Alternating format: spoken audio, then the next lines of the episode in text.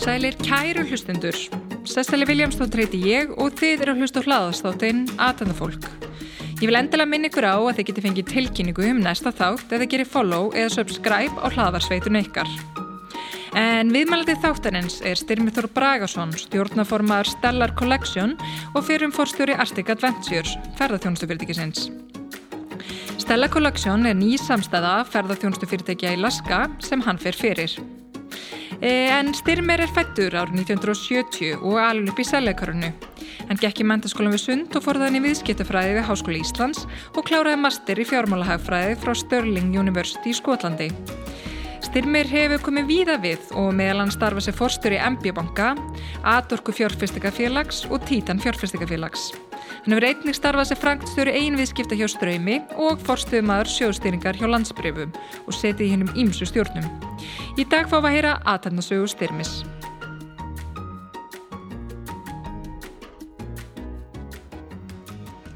Sæl Styrmir og verðu hjartala velkomin í þáttin. Við byrjum alltaf á byrjunu hérna í aðtæmnafólki þannig að segðu mér, hvertu alveg upp og hvernig voru æsku árin? Já, ég er alveg upp í Esbyggerðinu, svona fyrst og fremst, þannig svona til áttar aldurs, gekk í Ísaskóla, skiptið, svo fluttu við með fóröldrunum upp í Breitholt í Seljakverfið, gekk í Öldsölskóla og þaðan fór ég í mennskólan við Sund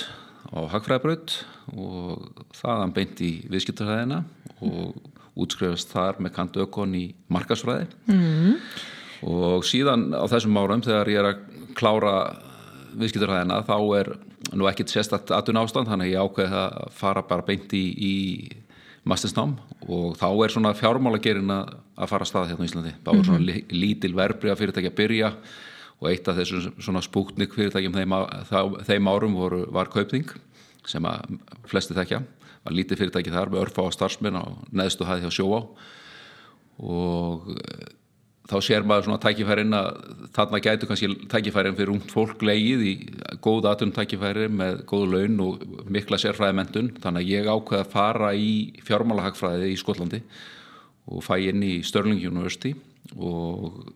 útskrifast þar 97 og hef þá störfi í Kaupþingi sem að þá var held ég að cirka 30 starfsmenn mm -hmm. þegar ég byrja mm -hmm. En eins og þarna í rauninni finnur strax að þú vilt svona í rauninni feta þessa leið að, að, hérna fara inn í viðskipti út í að þú ert hann að koma inn á hérna hagfræði bruti mentaskóla og, og svo er svona leiðin daldið bein eftir það? Já, ég held að það verður alltaf svona leiði fyrir mér að, að vera í viðskiptum og, og ég hef alltaf haft mikinn áhuga á því. Það hefur svona verið bara það sem að maður hefur gaman að lesa um gaman að fræðast um. Byrjaði snemma til til að snemma að að taka þátt í hlutabriðamarkanum bara ungur, bara námsárunum og þannig að þetta svona vakti áhuga mann og, og, og maður mað, mað sá kannski hvað gatt orðið í þessu ratunurinn þetta var annáttalega þegar ég er, að, er í viðskiptfræðina þá er þetta algjörlega nýtt kannski árgangarnir undan mér voru mikið að spá að fara í endurskoðun. Og það var svona toppurinn að komast inn í ymskipafélagið á þeim tíma. Mm -hmm. og síðan bara breytist þetta akkurat þegar ég er að koma inn á loka árin í viðskiptræðinni og þá sér maður að þessi fyrirtæki er að koma upp og kannski meiri svona sérfræð þekking sem er kalla, kallaðar á hjá fólki. Og fólk getur kannski kafa svona aðeins dýbra inn í, í námið sitt. Og þetta er mjög praktist náttúrulega framhald af viðskiptræði mm -hmm. en ég var raunulega sem kannski fyndið er það að ég tek, tek markas uh, hérna leiðina í, í viðskiptfræði og ætlaði mér þá leið og það var nú annar hérna, bankastjóri sem kendi mér nú hérna, fjóruð árið í, í marksvæðina, Byrna Einarstóttir sem að síðar var bankastjóri mm -hmm. uh, Íslandsbanka þannig að það var svona fyrstu kynni minni henni og og síðan fer maður, tekum maður þessa uppeyju að staði fyrir það að vera fókusir á það að fara í kannski þessa sölu og ölsingaleið að, að fara í, í í fjármálageran og ég sé alls ekkert eftir því en, en, hérna, en á sama tíma þegar ég fer yfir í, ferðarþjónstuna síðar þá, þá kemur þessi markasþekking sem að maður hafi aflað sér náttúrulega mm -hmm. mjög, mjög stertinn Akkurat og hérna við fyrir betur uh, yfir það eftir uh, en á þessum tíma þarna í, í hérna viðskiptarfæðinni svona hvaða típa varstu á þessu árum? Hvað varst að gera svona þegar þú varst að ekki að læra? Já, fyrst, fyrstu árin þá var ég nú bara að spila, spila fókbólta hjá fjölni, meistarflokki þar. Og á kvöldin þá starfa ég nú sem plutusnur já, ég, ég spila ég var, var starfaði sem plutusnur í átta ár sem, sem bara professional plutusnur bara já. það sem ég, maður framfletti sér í gegnum námið. Já. og kannski sem enn og kannski margir vita en ekki kannski allir er ég er eini íslendingur sem tekið þátt í heimstunarkefnum Bludsna árið 1991 þannig að ég spilaði í London á Palladium Stadium með 80.000 áhörundur og ég, ég held að ég hafi bara ég hef aldrei verið jafn stressað á æfinni eins og þann dag. Vá, þetta er geggjusaga. Þá var ég viðskipturhæði og uh, hérna 20, já, 21 ás eða svo. Og hérna fer þarna til London og vann keppnina í það heima og fer út sem fullur úr Íslands og, en þarna mætti maður ofjörlun sínum sem voru allir bara raunverulega að vinna við þetta 24-7 þannig að svona, þetta var svona þó að þetta hafi verið vinna hjá mér þá var þetta líka hobby. Já, en, en þetta klála ákveðin hápunktur í, í svona ferli Al, Algjörlega, algjörlega. ég byrjaði á þessu 17 ára að, spila, að vinna sem blödsnúður mm. og hérna og kannski lengst af starfaði á, á klúb sem hétt Casablanca með, og spilaði þar með hlinn sem að uh, eh, áhör ykkur hotnið með fjölskyldusinni mm. og þetta var alveg geggjaðu tími. Og vonum þarna að þetta er eitthvað mesta success í, í skemmtarnabransan fjögur ár, fjögur ár og rann alltaf pakka 500 manns í byðröð fyrir utan og mikil stemning. Nú já já, og hérna hvaða lag svona, svona kveikti alltaf í hérna dansskólunu á þessum tíma? Já, það, það? það var voðalega misjant sko það, þetta, á þessum tíma þá var nú þá var, var þetta skemmtarnamenningin allt önnur heldur en á Íslandi í dag sko það, fólk mætti á skemmtistæði að dansa þannig að var, þetta var allt frá því að vera að spila ykkur gamla íslenska slagar með stuðmunum yfir það að vera bara í, í nýjasta poppinu og, og jafnvel rock og, og, og mikið rap og hip-hop og þannig að þetta var öll línan, þetta var ekki deitt, þetta var bara allt. Með fram viðskiptfræðinni að DJ og spila fókbalta og þú ákveður að taka smá snúning frá markasfræði línunni og einblýna á fjármálinn og þá ákveður að fara í þetta nám til Skotlands í fjármálahagfræði. Getur þú sagt okkur aðeins frá því? Já, þetta var náttúrulega mjög sérægt nám. Þetta var náttúrulega bara algjörlega fókusir á að fara að starfa í, í, í eina fjármálmarkanum og það var svona kannski hægt að velja tvær leiðir í þessu. Það var annars hægt að, hægt að velja fjármálahagfræði sem að einblindi meira á það að fara að vinna hjá eftirlitstofnunum og seglabankunum eða þá að, að fókusera og taka þá línu sem að meira, meira uh, í takt við það sem að var gangi á verbreyðamörkuðum og ég valdi þá línuna að það sem að maður var að læra vermat fyrirtækja, eignastýringu og, og, og skuldabriðamarkaðin og svo framvegist þannig að þetta var svona meira fókusirða á það ásand því að náttúrulega læra peningamálstefnu og, og fleira. En, en ég kannski tók svona meira þann pólihæðina, ég ætlaði að vera í enga geran menn ekki í ofnbæri geran mm -hmm. á þessum tíma mm -hmm. Og hvað er svona fyrsta starfið eftir útskrift? Já, ég var alveg þetta er nú svona ég, ég hafði bara áhuga að fara að vinna hjá einu fyrirtæki ég hafði engungu áhuga á því að fara til Kaupings og ég lá í Bjarnar Ormansinni sem var þá bankastýr Kaupings að, að fá vinnu og ég hamaðist í honum þannig að ég fekk vinnuna ég hérna, þetta var bara svona drauma, draumastarfið. Eh, starfaði þar nú ekkert mjög lengi en, en í nokkur ár og kannski það sem að réð kannski úslutum um það ég skipti yfir til búnabangans verbreyfa var það að ég sá að svona það var búið að eh, svona kannski að velja ég upplegaði þannig að það væri búið að velja raunverulega þá sem að myndu leiða fyrirtækið inn í kannski þessa, þessa framtíð sem voru þá Hreðar Már Sigursson, Ingólfur Helgason Ármann Þorvaldsson, eh, Stengrimur Kárasson Magnús Guðmundsson og Sigur Einarsson náttúrulega og, og, og svona maður kannski sá ekki alveg tækifæri nakkur þarna en mm -hmm. á þessum tíma þá sé ég að búnabankin verbreyf er, er að leggja stað og þar sé ég kannski opnin á það að geta náð svona í ákveðin karriér og skipti yfir þangað. Og það var alveg geggjaður vinnistæður, alveg æðislegur og Og hérna þar faraði að þérni minna sem fórstumar uh, innlendra sjóðstyringar Já, Já. og byrja, byrja í því ráðin inn, inn, inn í það og er, er þá að reyka þá á þeim tíma til til að stóran verbreyðasjóð sem hétt IS-15 sem að var að keppa við íslensku hlutabræðavistöluna hlutabræðasjóður og þar var, voru e-mailsæventýri sem maður, maður gekk í gegnum eins og hvað? Já, til að mynda það var verið að, að við vorum að fórum í það að sapna hlutabrjöfum í oljufélaginu sem var svona kannski þunga miðan í það sem kallaðist þá smokkviskurinn eða það er að segja í framsókna vangviðskiptana og ég get nú ekki sagt það að við hefum verið klappaðir upp af, af svona, við vorum að stíga á tær sem að menn voru ekki vanir því að einhverju ungir verbreyðastrákar væri eitthvað að hamast að sapna breyfum í einhverju fyrirtækjum sem voru algjörlega búið að ákveða hvernig þeir eru stýrt og hverjir, hverjir riði ferðinni mm. þarna voru við fannir að,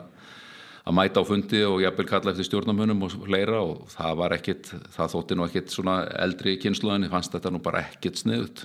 Nú já já, en hvað tekur næst við hjá þér? Já, næst, uh, það sem tekur við næstu við hjá mér er að ég skipti síðan yfir í,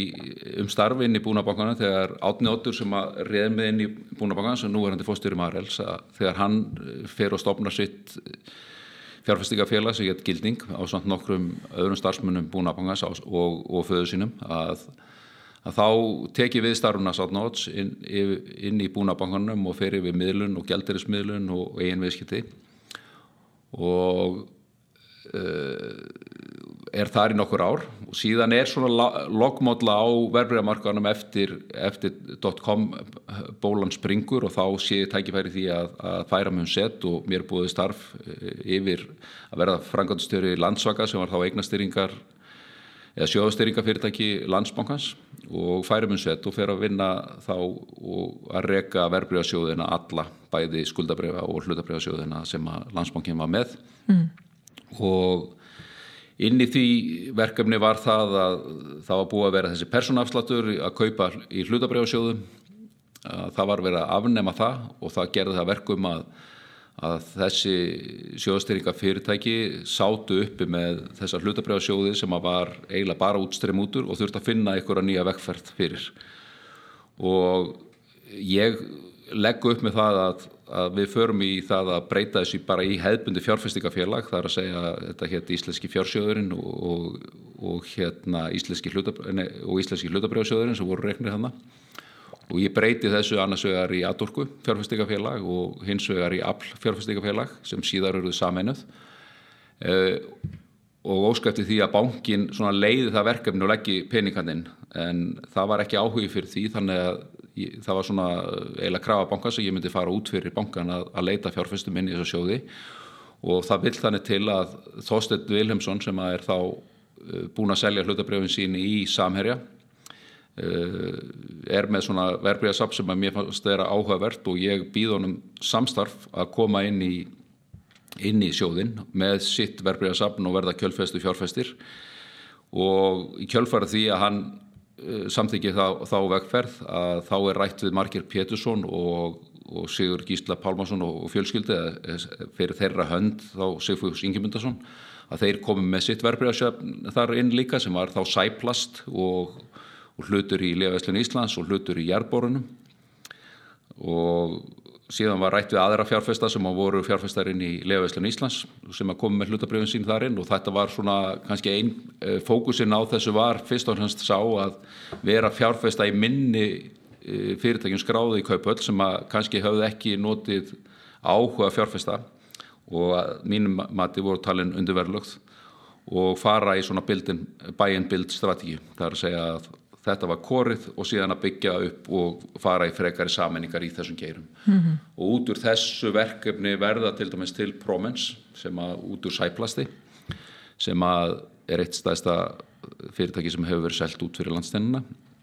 Uh, og síðan er þarna æsfarma sem að var út, til úr Legaðslun Íslands og svo náttúrulega jærborunni það ekki allir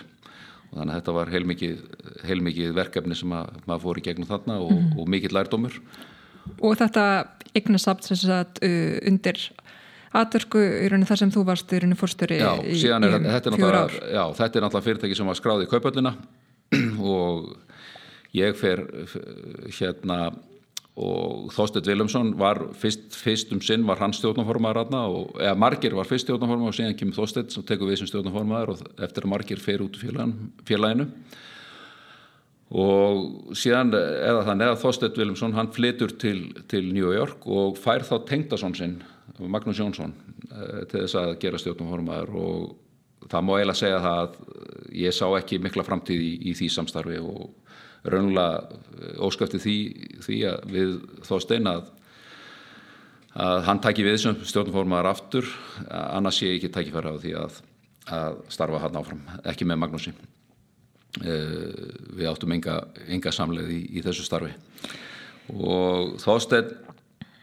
fannst mjög erfitt að taka þessu ákvörðun að, að hérna uh, láta tengda svona sinn taka pókan og tekur afstöð með honum og, þá, og ég ásamt þá fyrirvændi tengda fjölskyldum minni er keift út úr fyrirtækinu. Og þá er svona kannski þessum kapla lokið og ég hafði haft átt mjög góð samskipt við Marger Pétursson uh, og Sigfús Ingemundarsson á þessum tíma. Og svona fljótlega eftir ég hætti í aðorku þá fæ ég semdal frá Margeri og Marger getur uh, tala nú stundum svona í gátum og, og og ég hérna eftir spjallið þá, þá, seg, þá hugsa ég býtu, var margir að bjóða með vinnu eða hvað var hann að hugsa? Og ég var ekki alveg kláraði og svo heyri ég ekkert í honum í fjórum mánuði og, og svo fjórum mánuði setna þá ringja hann og segir hérna, styrmir ég ætla að bjóða þér hérna, fóstýrastarfi í MP banka. Sem að var þá Sigurður Valdísson var þá búin að vera fóstýri í, í MP banka og er að færa sig yfir til Exista og starf, starf fóstjóra MP-banka er þá laust. Og það var búið að vera þessi svo kallega minikrísa sem átti í stað þarna árinu hérna 2006, byrjunars 2006 að og, og hérna þessi krísa tengdist því að það var Þetta hérna, var svona fyrst skísla sem já. að kemur og dángreita bankana mm -hmm. og fjármögnu bankana varð erfið og, og bankarnir svona, eh, kallaði til þess að fara að taka til í sínu ranni en þessi, þessi krísa náttúrulega endist ekkert mjög lengi en ég satt einmitt með hérna Sigur Jóni Átnarsinni og Baldvinni Valdísinni og, og Holtinu í eina kvöldstund þar sem ég hafi nú ákveðið að ráða mig í mittiltíðinni hann inn, inn í lands, landsbankan í, inn í, í lánasviðið að þar sem að Sigur Jón er að telja mig trúum það að þetta sé algjörlega galin ákvörðun að fara, fara hann yfir að ég ekki fara, fara í MB-banka eigi bara framtíðin í landsbankanum og ég eigi að vera með honum í liði og, og taka, taka þessa vekkferð en ég tek ákvörðun það að, að þarna kemur, kemur ykkur svona hekomi hjá manni að, að hoppa í það að taka við þessu starfi. Þá er MB banki svona tiltúla lítill banki og, og hérna en aftur á móti hafði fyrst og fremst verið náttúrulega mjög sterkur í eignastyrku og í miðlun verbrjá og það var svona kannski þessar tvær kóreiningar sem að bankin uh, hérna var og stóð fyrir þetta var náttúrulega mikið, mikið aðventiri og mjög, mjög skemmtilegt verkefni og heilmikið heilmikið starf og, og hérna mikill vöxtur á þessum gera eh, akkurat á þessum árum frá 2006 til 2008 þegar fjármálarhunnið ásíðan stað. Þannig að maður er búin að sjá ímislegt í þessum gera Já, þannig að þú ert bæðið búin að sjá vöxtin og svo þegar hrunni kemur. Já, þetta er náttúrulega veist, frá, frá því ég hef störf hjá Kaupþingi 1997 og, og til, þegar ég hætti í, í MP-banka árunum 2009 þetta er náttúrulega alveg stjartfræðilegu vöxtur. Þetta er bara engaðein bankana sem ásist að þarna 2003 og, og þessi verbriða markaður sem var náttúrulega bara í skutulíki í áður fyrr að þetta er náttúrulega bara orðið, orðið svona ringamið og þetta er orðið stæðstu vinnustæði landsins, þetta er náttúrulega Kaupþing, þetta er Landsbankin, þetta er, þetta er Íslandsbanki og þetta er, þetta er náttúrulega allt ungt fólk það sækist eftir því að fara að inn. All, allt svona fólk sem að vil ná árangri í lífinu efnast, það sækir mjög fast að komast inn í þess að gera. Það var náttúrulega hafði neikvæð áhrif til dæmis á sköpun að gera vegna þess að mikið af fólki sem að var hafði kannski áttækifæri í mörgu öðru heldur en akkurat í fjármálagerðan það sótti mjög fast að komast þarna inn vegna þess að þarna voru góðu laun og þarna voru gríðalið tækifæri. Mm. þannig að það var náttúrulega mik, mikil hérna, mikil uppgangur og auðvitað mikið að partíum og, og mikið gaman mm. og eins og maður segir, maður saknar ofta þessa tíma sko. Já, okay. er Þetta er ákveðin svona tíarandi Uh, uh, en uh, hérna eins og segir í rauninni þú varst í rauninni fórstöru hérna MB Banka í rauninni þegar hrunnið getur aðeins svona líst fyrir okkur svona þessi helstu atbárarás fyrir og, og, og svo eftir? Já, já, þetta er náttúrulega auðvitað kannski má ég eiginlega segja að þetta það var, það var svona einhver aðdraðandi að þessu, það var alveg ljóst en en aldrei kvarlaði aðmanni að þetta yrði eins og það varð. Ég, að það að fjármálastofnæðinir yrðu allar með tölu fyrir utan ennbíbanka gjaldfróta, það hefði bara aldrei, aldrei kvarlaði mér. En auðvitað sáma blikur á lofti og við vorum þeirra gæfu aðnötandi og við vorum að mestu búin að selja öll hlutabref í safninu og reyna að draga út, úr allir útanlána áhættu sem hægt var. En en það var bara raunulega ekki hægt að komast algjörlega að vera algjörlega riskfrí á þessum tíma. En, og síðan eh, kannski kringum páskana þá árinu 2008 þá sér maður að þetta er það er eins og það sé allt að fara og kannski við sem að vorum að reyka þessum minni banka, við vorum ekki innvold inn í því sem var í gangi. Það var alveg ljóst að stærri bankarnir og, og stjórnundu stærri bankarna og og stjórnvöldu voru miklu miklu meiri samskiptum og, og samtali um, um aðgerðir og hvað þurft að gera og hver ástand, hver, hvert ástandi var þessu var öllu svona reynd að halda potlóginu ofan og sjóðandi pottinum að láta ekki alla almenning og alla vita því hvað, hversu alvarleg staðan var. En þarna voru náttúrulega fjármagnanir á hlutabrjöfum stóru, stóra fjárfestingafélag eins og FL Group og fleiri voru náttúrulega voru gjaldfæld af ellendubankum og, og þarna voru íslensku bankanir að taka á sig þessa fjármögnun inn, inn á bækuna hjá sér á sama tíma til þess að reyna að berga málum en ég held að það er ekki nokkuð maður verið að reyna að gera eitthvað af sér þarna ég held að fyrst og fremst að menn hafa nú fyrst og fremst verið bara að reyna að berga því sem berga varð reyna að halda skipinu fljót, fljótandi mm -hmm, Akkurat eh, En þarna áirinu þessu tíma, e, þetta er náttúrulega eins og segir ótrúlega staða að, raunni, að hérna lenda í og náttúrulega margt að koma saman hérna ja. e, en á náttúrulega sama tíma er náttúrulega mjög mikið reyði í náttúrulega samfélaginu erlega yfir, ja. yfir aðstæðum. Ja. Hvernig var svona að, að, að náttúrulega bæði búin að vera að taka þátt í uppbyggingu og, og, og svona sigla gegnum þetta og líka í hérna fórsverður fyrir, fyrir MB-banka? Já, þetta er náttúrulega þetta, þannig að sko ég tek ákveðinu það á, í mæ 2009 eftir hrunnið að þá er, þá, þegar ég meta þannig að bankin, það er ljóst að bankin mun lifið af, að þá tek ég ákveðinu það að hætta og raunverulega ástæðan fyrir því er svo að þetta náttúrulega var alveg gríðarlega erfitt verkefni og bara sem dæmi að í kringum þessa hrundaga þarna í kannski frá, frá því að Lehmann Brothers fellur 15. september og þar til svona fallið verður þegar eh, ræða Geir Horte Guðbless Ísland ræðan kemur fram og, og, og síðan þegar fjármálaeftiliti er að taka hverja fjármálastofnuna fætur annar yfir að þetta er bara svona ástand það sem að maður sko, ég held að flestir átti sér ekki á áfallinu og stressinu sem fylgir svona lögum. Þetta er náttúrulega sko, ég held að ég hafi ekki sofið í tvær-þrjá vikur að það maður bara mm -hmm. liggur andaka í rúminu og maður bara hausin á mann er bara að velta fyrir sér hvernig getur maður reynda að bjarga hlutunum og auðvitað kannski eitt af svona stóru áhugjónum sem maður hafði var það, var það allt það starfsfólk sem maður var með í fyrirtækinu. Og þú veist, eru við að fara eigu við pening til þess að borga fólkinu í launum næstum mánum og allt þetta fólk þarf að borga lánin sín þetta fólk þarf að reyka sín heimili þarf, þarf að geta sendt börnin sín í skóla og svo framvegst þannig að það er svo margt í þessu sem er, sem er kannski er aldrei fjallað um. Það er fjallað náttúrulega um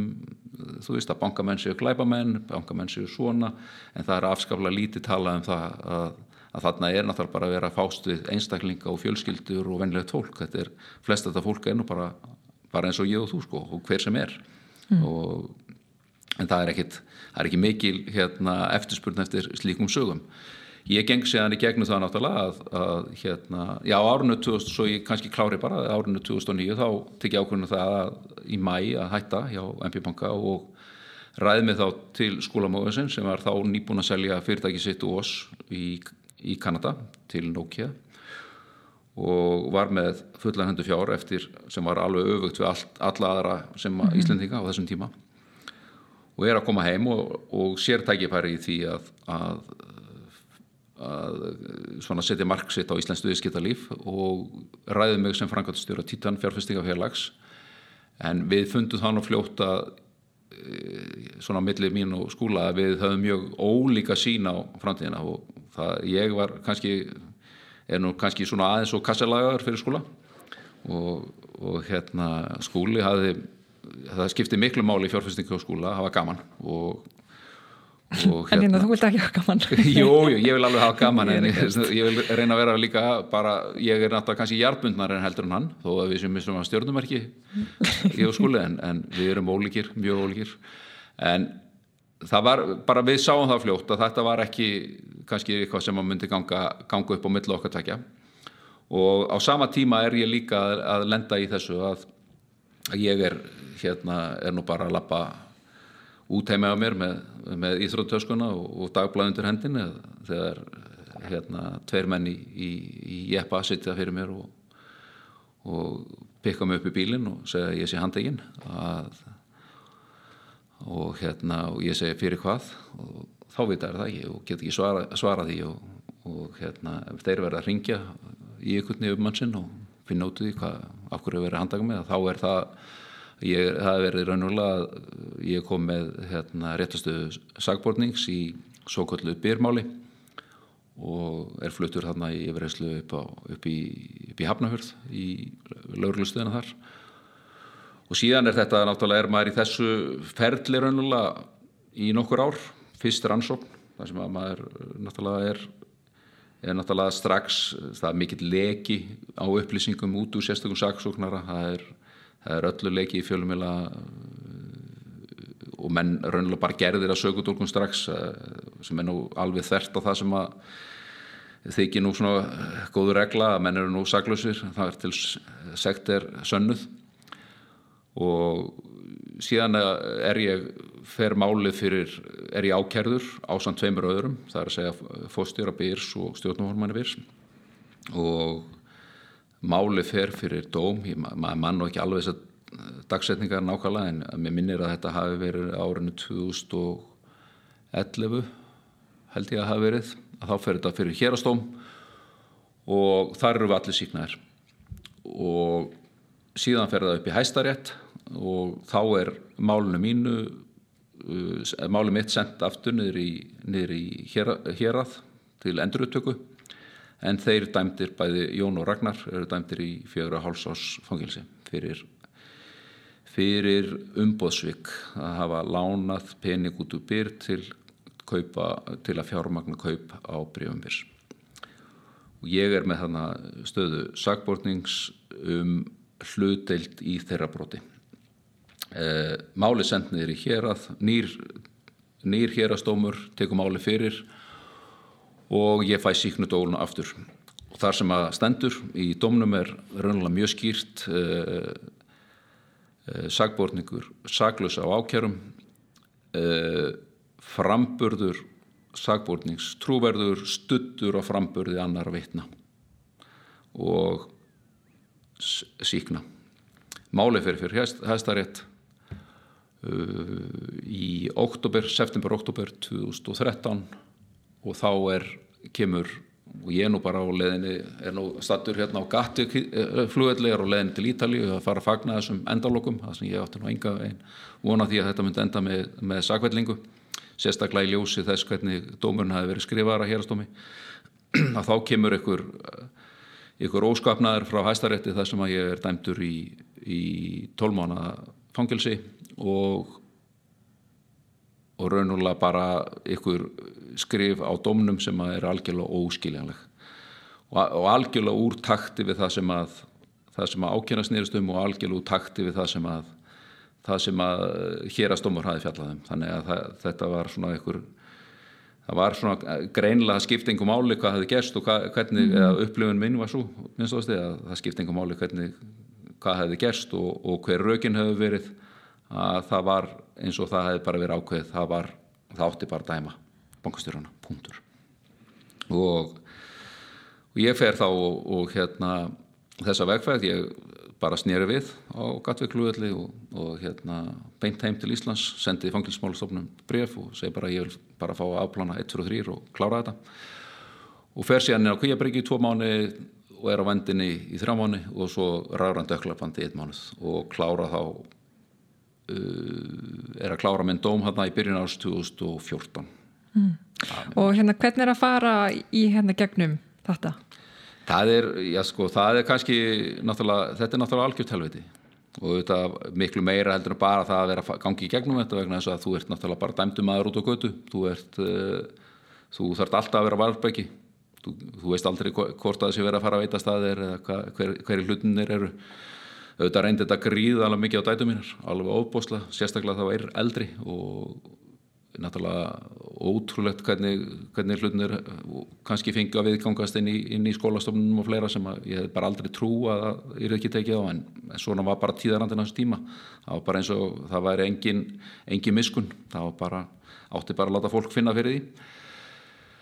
En auðvitað má alveg líka segja að þetta, þú veist, það, út úr öllu slæmu kemur eitthvað gott og, og hérna ég þurfti náttúrulega að taka ákvörðum um það, ég var dæmtur úr með, sko með fram því að fá, fá svona dóm að þá er maður náttúrulega tekin úr leik í fjármálagerðan, ég er náttúrulega búin að vera að starfa mjög lengi þar og sérmentaður náttúrulega ferunlega að menta mig sérstaklega í það að vinna inn á fjármálagerðan og ég bara, það er útiloka fyrir mig að fá vinnu í þeim gera Þannig að þá má ég lega segja að þarna bara á lokadugunum inn á Kvíabryggju að þá vaknaði einn morgun og ég hugsa bara, já já, styrmi, nú erum við að fara ákveða hvað allar fara að gera, nú erum við að vera búið og þú er að fara að finna þér eitthvað nýtt að gera. Og ég hafði svo sem verið búin að vera að hugsa það í nokkuð tíma hafði undan að, að nú væri tími til komin að að fara inn í atvinnugrein sem væri mikill vöxtur framöndan í og væri ennþá tiltula ófaglegur og væri svona að slíta bensku eða, hvað segir maður, benskubrekið væri bara algjörlega í, í, í, í nýja brumunu og ekki komið svona neitt alvöru infrastruktúr í fyrirtækin og engin samþjöppun búin að eiga sér stað. En aftur á móti mikill vöxtu framöndan og þannig að það var ferðarþjónusta og, og það var kannski eitt af því sem að spilaði líka inn í, í það velja ferðarþjónustunum var það að svona í meða við andan í samfélaginu þá hafði ég kannski frekar áhuga á því að fara inn í fyrirtæki sem að var að vestla við útlendinga en ekki bara við Íslendinga. Mm -hmm. þannig að þar svona var maður að selja vöruna. já, alþjóðlegt. Já, þetta var alþjóðlegt, þetta var ekki sko, kúnandi mínu voru ekki Íslendingar. Kúnandi mínu voru útlendingar og þeir eru kannski ekki að spá spekulur því að þá er maður ekki að fara með sama hætt að milli tannana fólki í kjölfarið á hrunnu þannig að þetta var svona bara svona einn varnagli sem maður setti sem, sem hluti af því að velja sér nýja starfsveitag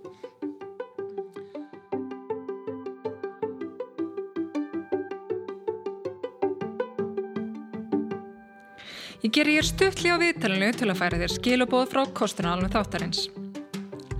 Ég ætla að segja þér að þú getur sókt um viðbútalífyrsparna sem kallast lífyrsauki og fylst með stöðunni í Arjónappinu og ekki er setna vætna en að byrja í dag.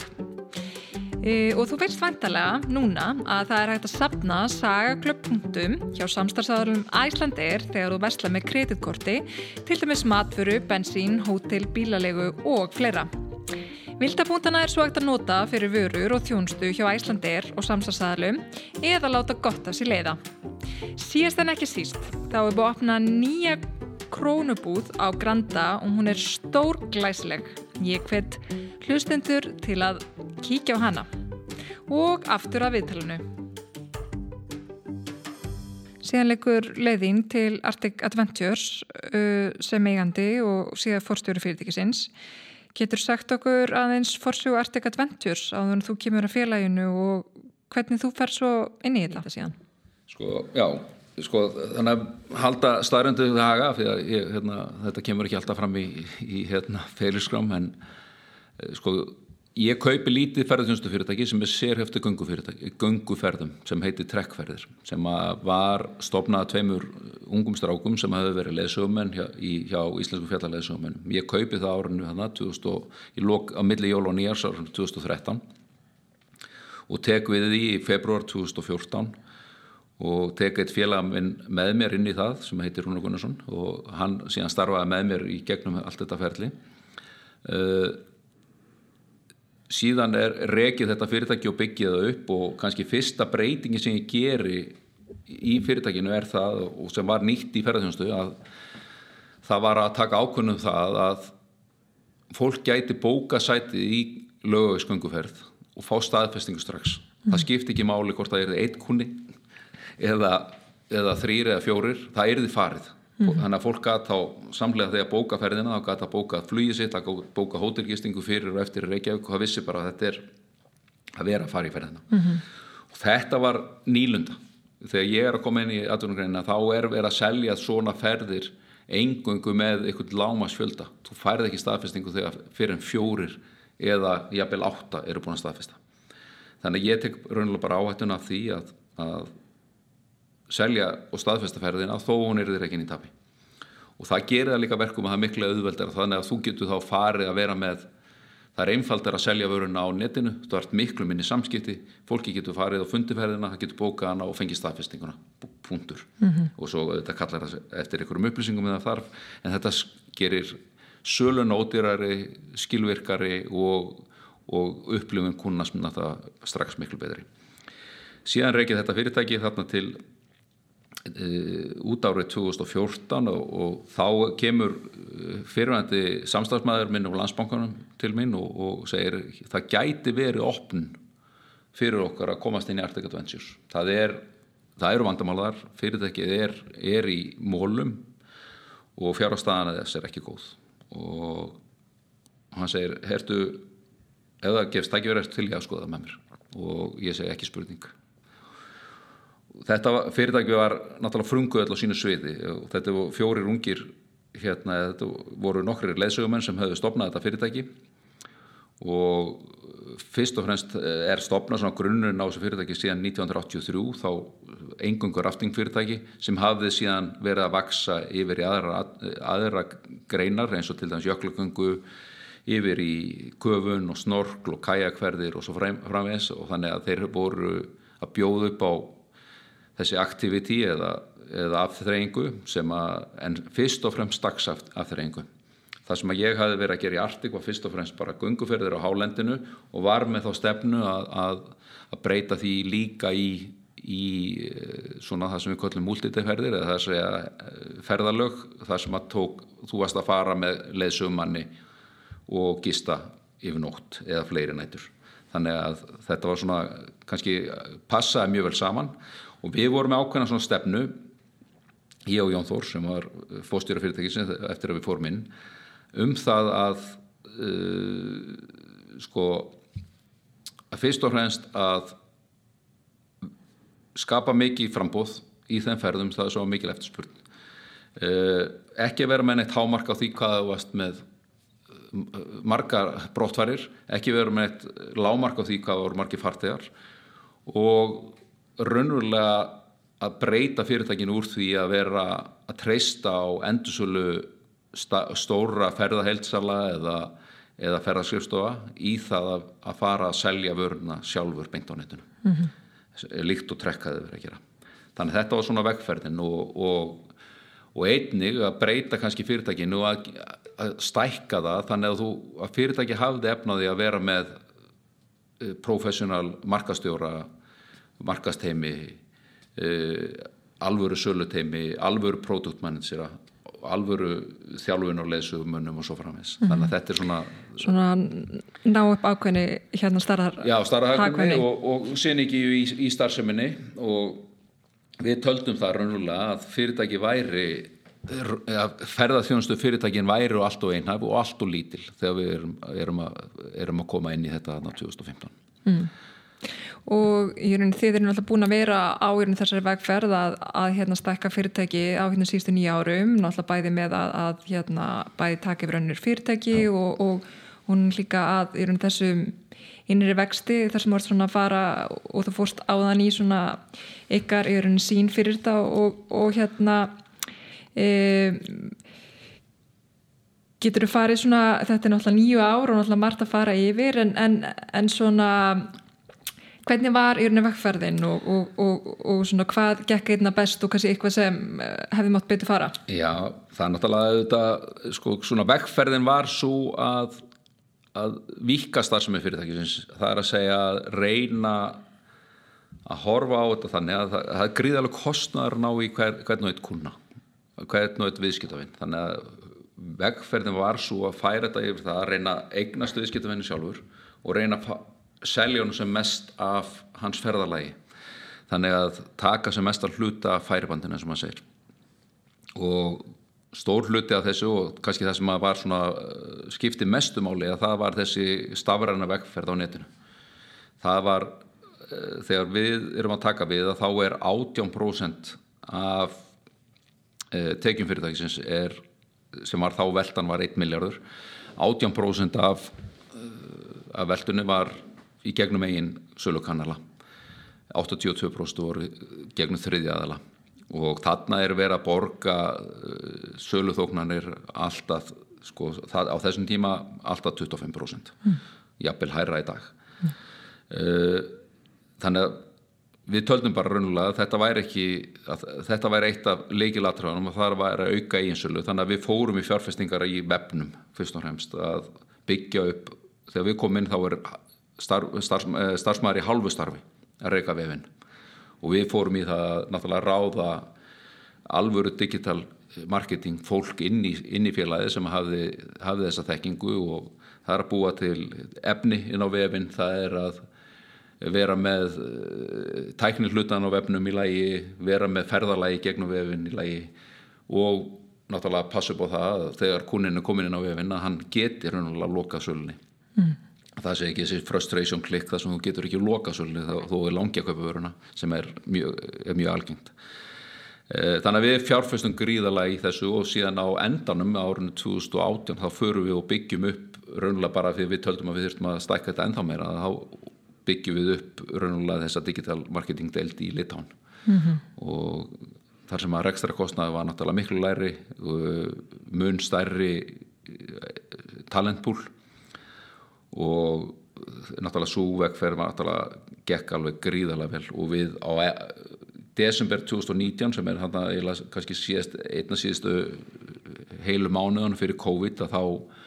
þá erum við komin í 84% af allri sölu fyrirtækinu fyrir gegnum okkar eigin sölu kanala mm -hmm. sem er náttúrulega alveg allt búið að snúast við allt búið að snúast við. Og hérna þið er búin að leggja áherslu að hérna ná fyrst í hérna viðskiptöðunin í gegnum hérna netmarkasetningu og, og aðra leiðir og, og halda í rauninni í alla, alla virðiskeðina og hérna reyna að fá sem mest út úr viðskiptöðunum ef það má segja þannig. Já, já, það er náttúrulega og síðan er náttúrulega, má ég alveg segja við, við svona útvíkuðum starfseminna þannig lókin áður ég sel minn hluti fyrirtækina þá erum við komið þrjá gististæði og við erum komið með nokkuð mörg fyrirtæki inn, inn í okkar ranni, við erum búin að ganga gegnum á, á þessu tíðanbili eitthvað um 20 yfirtökur og, og stækkanir á, á fyrirtækinu og kannski einn ein yfirtaka eða ekki yfirtaka, eða saminning sem átt sér stað sem að var svona má eiginlega segja hafi verið breakthroughið í starfseminna, það er þegar eh, Arctic og Arctic Adventures og Extreme Iceland saminast árunni 2017 svona bæði tvö af öflugustu operatorum á Íslandi og var, og það hjálpaði líka gríðarlega mikið í þessari stafræðinu vegferð að Extreme Iceland var, var með sömu sín og gríðarlega góða þekkingu mm. til dæmis einn af stofnöndunum á fyrirtækinu og einn af stjórnöndunum og eigundunum var raunulega algjörlega með dedikata þekkingu á því sviði sem hjálpaði mjög mikið. Svona tekni þekkingu sem var að koma þá á móti. E, þið eru náttúrulega að byrja að sækja eitthvað viðskiptafinni og snúa við þessum hlutföllum. Þá er annað íslenskt fyrirtæki, Guide to Iceland, sem er að sækja í sig veðrið og er einhverju horfa á netið og opnaði markastorg fyrir ferðarþjónstuna og breytti því daldi hvernig ferðarmennskan á Íslandi virkaði.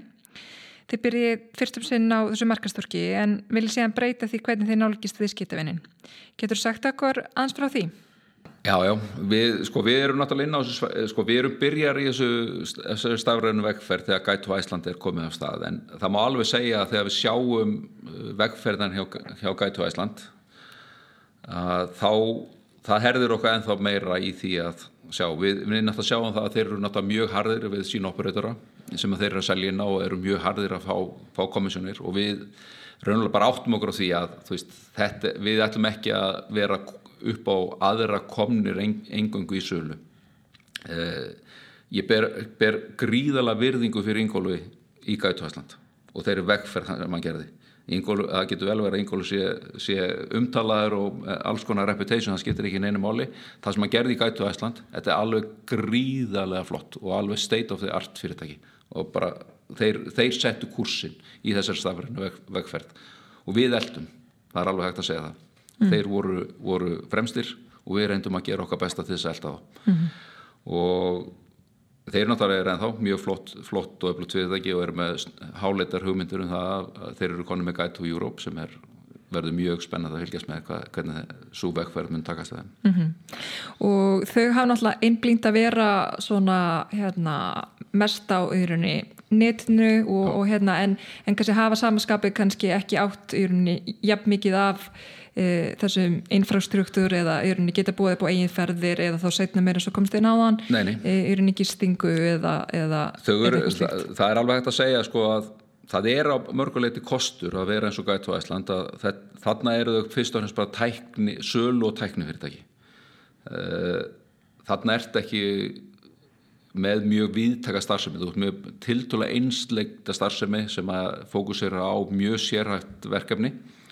hjá Artik voru við, það má eiginlega segja að við höfum verið tvíhauða dýr. Við vorum annars vegar framkvæmdað eða ferða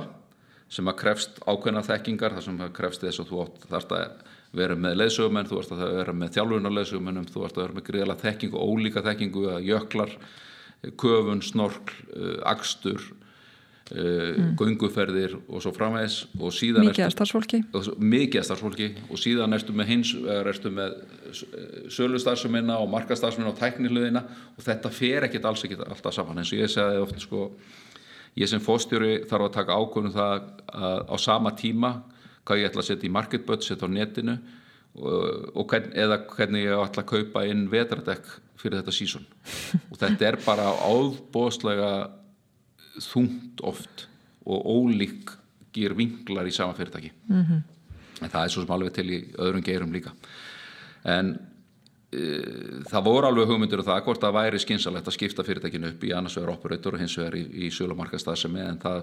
það var ekki, við fórum aldrei þá vegferð samt sem mm -hmm. Uh, en þú komst inn á áðan að þú hérna flutti til Lítáinum um, um tíma til að byggja upp uh, þessa erlendur starfsemi á hérna sviði uh, svona þessara stafrunu hérna vagfæra fyrirtækisins núna er í rauninni mikið af hugbúna fólki og, og svona frumkvöldlega sem hlusta þáttinn og, og, og svona ef þú rauninni berða saman sem sagt hvernig var að í rauninni byggjum fyrirtækið þarna í hérna litáin uh, og svona ef þú berða sama við hérna á Íslandi? Já, sko við fórum með uh, raunlega þrjár deildir út úr Artik hérna heima til, til litáin við fórum með markasteildina, við fórum með þjónustu verið, það er að segja uh, customer care, er að segja þar sem að svona, þessi e-mail samskipti eða síma samskipti sem að kúnandir eiga og hins vegar hugbúnaðar lausninnar og við vorum náttúrulega bara að finna fyrsta lagi að við bara byrjum að hugbúnaðar og, og IT-geranum að á á þessum tíma þá var bara uppgangur í þessum geira á Íslandi og þú, sko, þú þurftur að sannfæra besta fólki um það að fara að vinna í ætitild í ferðarþjónustu fyrirtæki þetta er ekki, mm. sko við erum ekki og, og kannski andinir fyrirtækinu var ekki þess eðlis að þetta væri svona hefbundi IT fyrirtæki sko, þannig að þú hvernig ætlar, hvernig ætlar að trakta besta fólkið inn í fyrirtæki hjá þér með þessum IT mm -hmm. aftur á móti þegar við förum á inn í litáðan þá erum við, þetta er bara söl og markas og IT eh,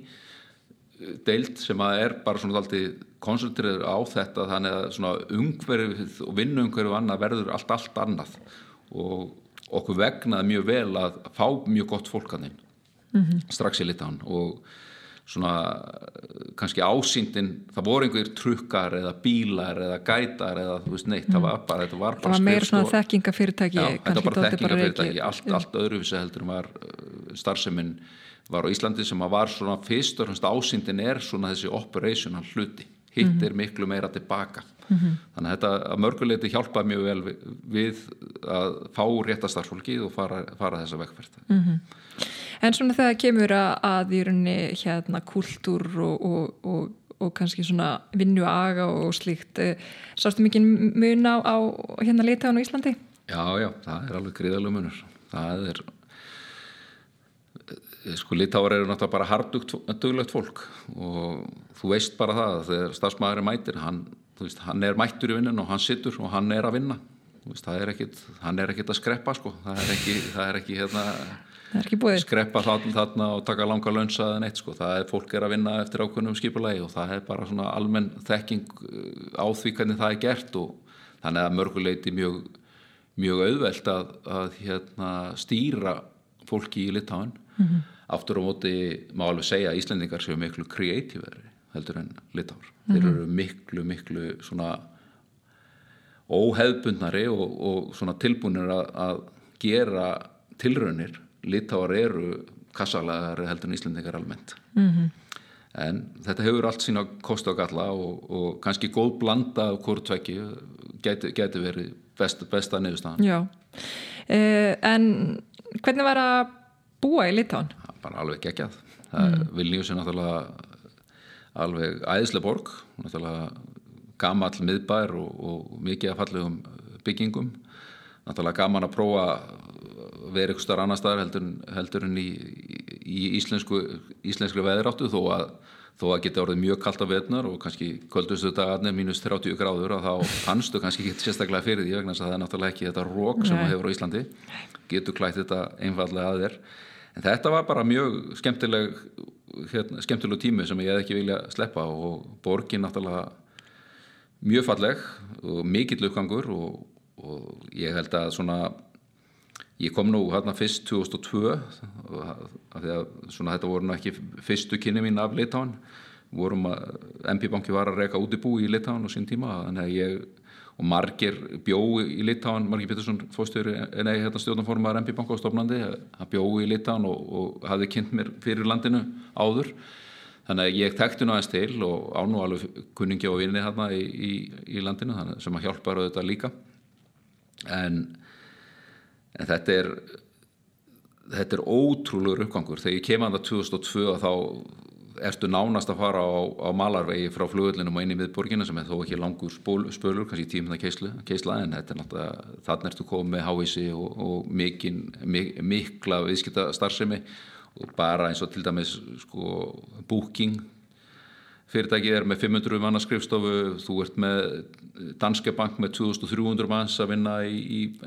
í IT og back, back office og, og og eftirliti og fleiru og þú ert með Svetbank og þú ert með ótrúlega alþjóðlega starfsemi sem er mjög ólítið sem er á Íslandi. Þú horfur, horfur Ísland. Íslandi er ekki, það er rosalega lítið alþjóðlegum fyrirtækjum í Íslandi þú mm. sér það ekki, það er sjóa og það er vís og þetta er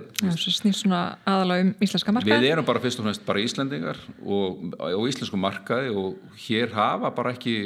fyrir utan kannski alverinn og, og, og hérna. Marel og Ma Össur kannski Já, já, og, en já, þetta er samt í grunninn íslensk fyrirtæki. Þá er þetta þá erum við ekki það hefur ekki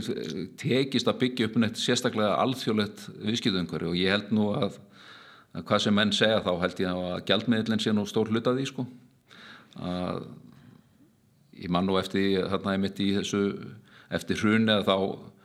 þá hérna e, voru að skoða ákveði verkefni að fá DNB Nord að kaupa Íslandsbanka eftir hrunið og Þeir hefðu nú áhuga til þess að byrja með en svo fóru þeir að skoða töluna þá tóku þeir eftir því að þetta var náttúrulega fyrsta leiða var náttúrulega algjörlega ómögulegt að vera að vinna í þessu krónuumhverfi og, og næsta, næsta sem kom var það að efnaðsreikningur í Íslandsbanka var 2% af efnaði DMB Nór og sagði, það væri nú kannski ekki tíma fóstjórans var sérstaklega vel varið það að vera það miklum tíma í þetta. Mm, já, hérna blessu krónan. Eh, en ef við hérna vikjum okkur eh, aftur að, að Íslandi og svona uppgangi í rauninni fyrirtækisins og, og hérna áður við kannski ræðum í rauninni það sem þarf alltaf að ræði þessum þætti, það er hérna COVID. Eh, en ef við förum aðeins hérna í bara í uppgangin, náttúrulega fyrirtæki er í rauninni, þeir eru það vaksa mjög hratt og það gengur vel Getur líka aðeins svona sagt okkur frá uh, bæði hvernig þeir eru það er að hérna, fjármagna fyrirtæki meðfram og þeir eru líka í rauninni þá kaupa önnur fyrirtæki uh, með. Sko við bara í gegnum þessi kaupa á þessum fyrirtæki þá vorum við aldrei við höfum aldrei skuldsett okkur í þessum yfirtökum, við höfum alltaf verið bara nota í fyrir og eða skipti á breyfum eins og í Ekstrím Æsland yfirtökunni þannig að fyrirtæki var til til að skuldlétt við höfum náttúrulega ekki lán fyrir einhvern bílakaupum og, og þegar við kaupum þessi tvö hótel sem við áttum. En það eru leiti svona til til að skuldlétt. En, en fyrirtæki ákveðnir leiti fjármagnað fyrir hann greiðslum það er að segja að það svona kunninn bókar á netinu að þú ert með peningin til þess að sem að liggur inn á bókjaður og, og það var stefna fyrirtækisins að við ættum alltaf í lausafið að lámarki 50% af fyrirbranngreislum þannig að við höfum kannski gengið aðeins og langt í því að, að, að vera að vera að nýta fyrirbranngreislunar og svona eftir áhegja var það ekki skynsanlegt en raunulega þegar COVID hitt, hittir okkur þá, þá er náttúrulega, erum við með 350 manns á launaskrá. Við erum ekki okkar leysugum en voru ekki verktakar þannig að við gáttum ekki hendið með bara út á gablin eins og margir á okkar sankjumsalinn gerðu Þannig að við sátum uppi með það auðvitað, að standa okkar plikt og, og borga fólkinu laun og, og, og svona rekstra kostnæður að vera með 350 starfsmenn er náttúrulega þó nokkuð mikill. Þannig að 1 miljard sem við áttum í lausafíði, hann var fljótur að fara þegar engar, engar eru tekjurnar, þannig að þetta gekk mjög hrætt á. Uh, Ríkistjórnin kom, kom stóð vel við baki á ferðarþjónustunum á þessum tíma og tók skeinsamar ákvarðanir Eh, til þess að halda geiranum gangandi og til þess að geta tekist á við það þegar þetta færi opnaðist aftur. En einnig þá tókur hlutafar ákvörðinu það að, að leggja nýtt fyrir einn í fyrirtækið þannig að, þannig að við komumst vel í gegnum þetta. Við leituðum í svo kallar greiðslu skjóla á þessum tíma og, og ekki til þess að fá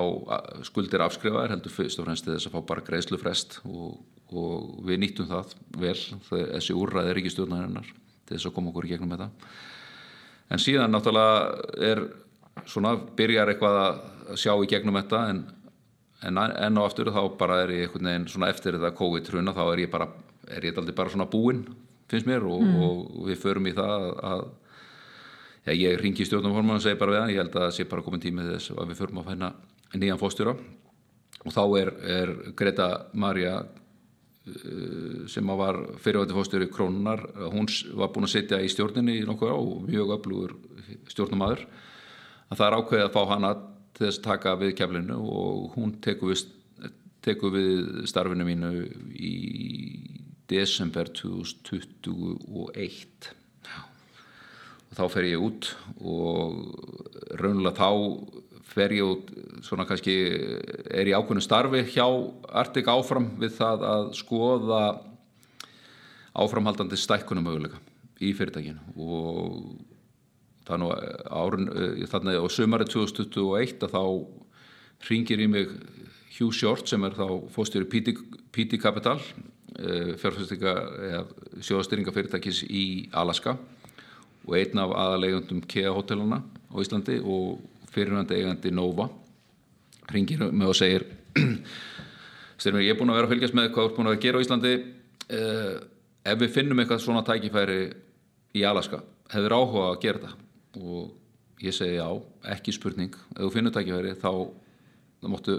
heyri mér og við myndum skoða gegnum Artik að koma og gera eitthvað með ykkur í því og sex mánuðin setna þá er hann búin að finna target sem að fyrirtæki sem heitir Alaska Tours sem að er eitt af rótkorónustu ferðarþjónustu fyrirtækjanum í Alaska 35 ára gammalt fyrirtæki og þar er eigandinn að, að retæra og komin á aldur og vill fara að koma þessu í hendunar á nýjum aðala og við lokum kaupum á því fyrirtæki í júni 3. júni 2022 og svona í kjölferða því að þá uh, tekur Píti Kapital ákveðin það í samstarfi við nokkra hlutum Artik að gera, reyna að gera yfirtöku tilbúð í Artik og með ákveði plan í huga að gera, gera nota Artik Adventures sem svona pan-Artik ferðarþjónustu fyrirtæki sem væri stert í operation, væri stert í hótelrekstri og væri stert í, í hérna, eigin sölu þessar pælingar sem að voru laðar á borð fjalli ekki kramið á öðrum hlutum nema 43% þannig að það varð úr að, að Píti Kapital gerði yfirtöku tilbúið eða kaup tilbúið í þessi 43% sem voru þar voru hlutabrefin mín og hlutabref Haldurs Hafsteinssonar og Davís Mássona stjórnformans og, og stopnanda og eiganda Extreme Iceland, það er að segja feðkana þryggja eh, Kára Steinars og, og Björns að gera tilbóði þau og, og það tilbóð kemur þarna á hausmánuðum og þá er ákveð hluta á samkvæmlega í fyrirtækinu þar sem að e, fyrirvændi fóstjóri og samstafmaður okkar Jón Þór Gunnarsson tekur ákveðinu það að ganga inn í fórgursettin og með það markmið að endur selja breyfin til stóða og það gerist í apríl núna á þessu árið 2023 og þá förum við út úr fyrirtækinu. Og Jón Þór eignast breyfin og seljaði til stóða samdagurs og eitthvað annar að fjárfesta. Og við kaupum reksturinn í Alaska samlega út með þá að það markmið að nota það sem ringamiðina í, í þessari vekkferð sem við höfum rættum Já stóður fjárfestika félag sem meðal hans heldur á stórum hlut þá í bláa lónu og öðrum skráðum og óskráðum egnum. Kemur þá inn með 35% egna hlut sem kjölfestu fjárfestir í fyrirtekinu uh, en að samanskapi þá skerir þig út þessa erlendu þjónstu sem ætlaði meðal hans til að byggja ofan á, á öðrum markaði í Alaska. Já, þeir töldu raunlega sko, í samtalenu við, við, við stóðir við þá að þá er, þá er raunlega sjáðir raunlega bara megni að tækifæran liggja á Íslandi fyrstum sinn og, og það verður úr að við, við tökum alaska hlutan og höfum síðan í kjölfarið eh, bætt við okkur. Við settum þetta og stopnum þá sjóð sem heitir Arctic Tourism Fund og þar lögðum við inn raunlega bara þessar eignir í Alaska Tours og Alaska Private Touring og gengum frá núna fyrir tveim vikum síðan kaup á fyrirtæki sem heiti Borealis Space Camp sem er svona norðurljósa destination. Það er, segja, það er borg sem heiti Fairbanks sem er næstasta borgin í Alaska. Og það er hún á 64 gráðu og er talin besti, besti, besta location til þess að sjónarljósin í heiminum og þar rétt fyrir utan er, er þetta gisti, þetta er eiginlega hægt að segja, þetta er Þetta eru 30 svona búblur sem eru gisti einingar sem þú ert eh, tveggja til þryggja manna herbyggi með salerni og litlu, litlu eldustarðstöðu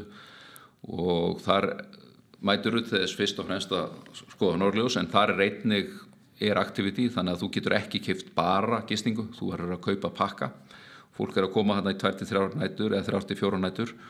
Og þá er það, það, þannig að við erum að bjóða upp á aktiviti líka á svæðinu, við erum að bjóða upp á uh, dogsletting eða það er að segja uh, sleðaferðir með, með hunda. Við erum með uh, snjósleðaferðir. Við erum með snjókött sem að fer hérna upp á fjall til þess að sjá, fylgjast með sólsetrinu falla og það eru gönguferðir, við erum með wildlife ferðir og, og síðan eru alls konar keisluferðir og, og þyrluferðir hérna líka á svæðinu. Mm -hmm þannig að við þetta er svona fyrirtæki sem er, er, fyrst, er bara rétt að, að hefja starfsemi þannig laga, þeir eru búin að vera hann í fimm ár en, en raunlega eru gríðarlega vakstakifæri þarna, þarna er þetta er algjörlega uník, það er engin sambarlegu samkjöfnisaðli á svæðinu. Og ef við horfum á svona sambarlegan rekstur til dæmis í, í Finnlandi þá eru svona setur með hátt í 300 til 400 gisti einingar. Þannig að við erum bara í 30 núna. Við erum mm -hmm. síðan með búin að teikna inn plönum það að fara með þetta upp í 90 á næstu 3-4 árum. En ef að eftirsputnin og við sjáum að tækifærin líka í, í ennþá frekari stakkunum þá munum við gera það mm -hmm. Þannig að þetta er þá sín þessa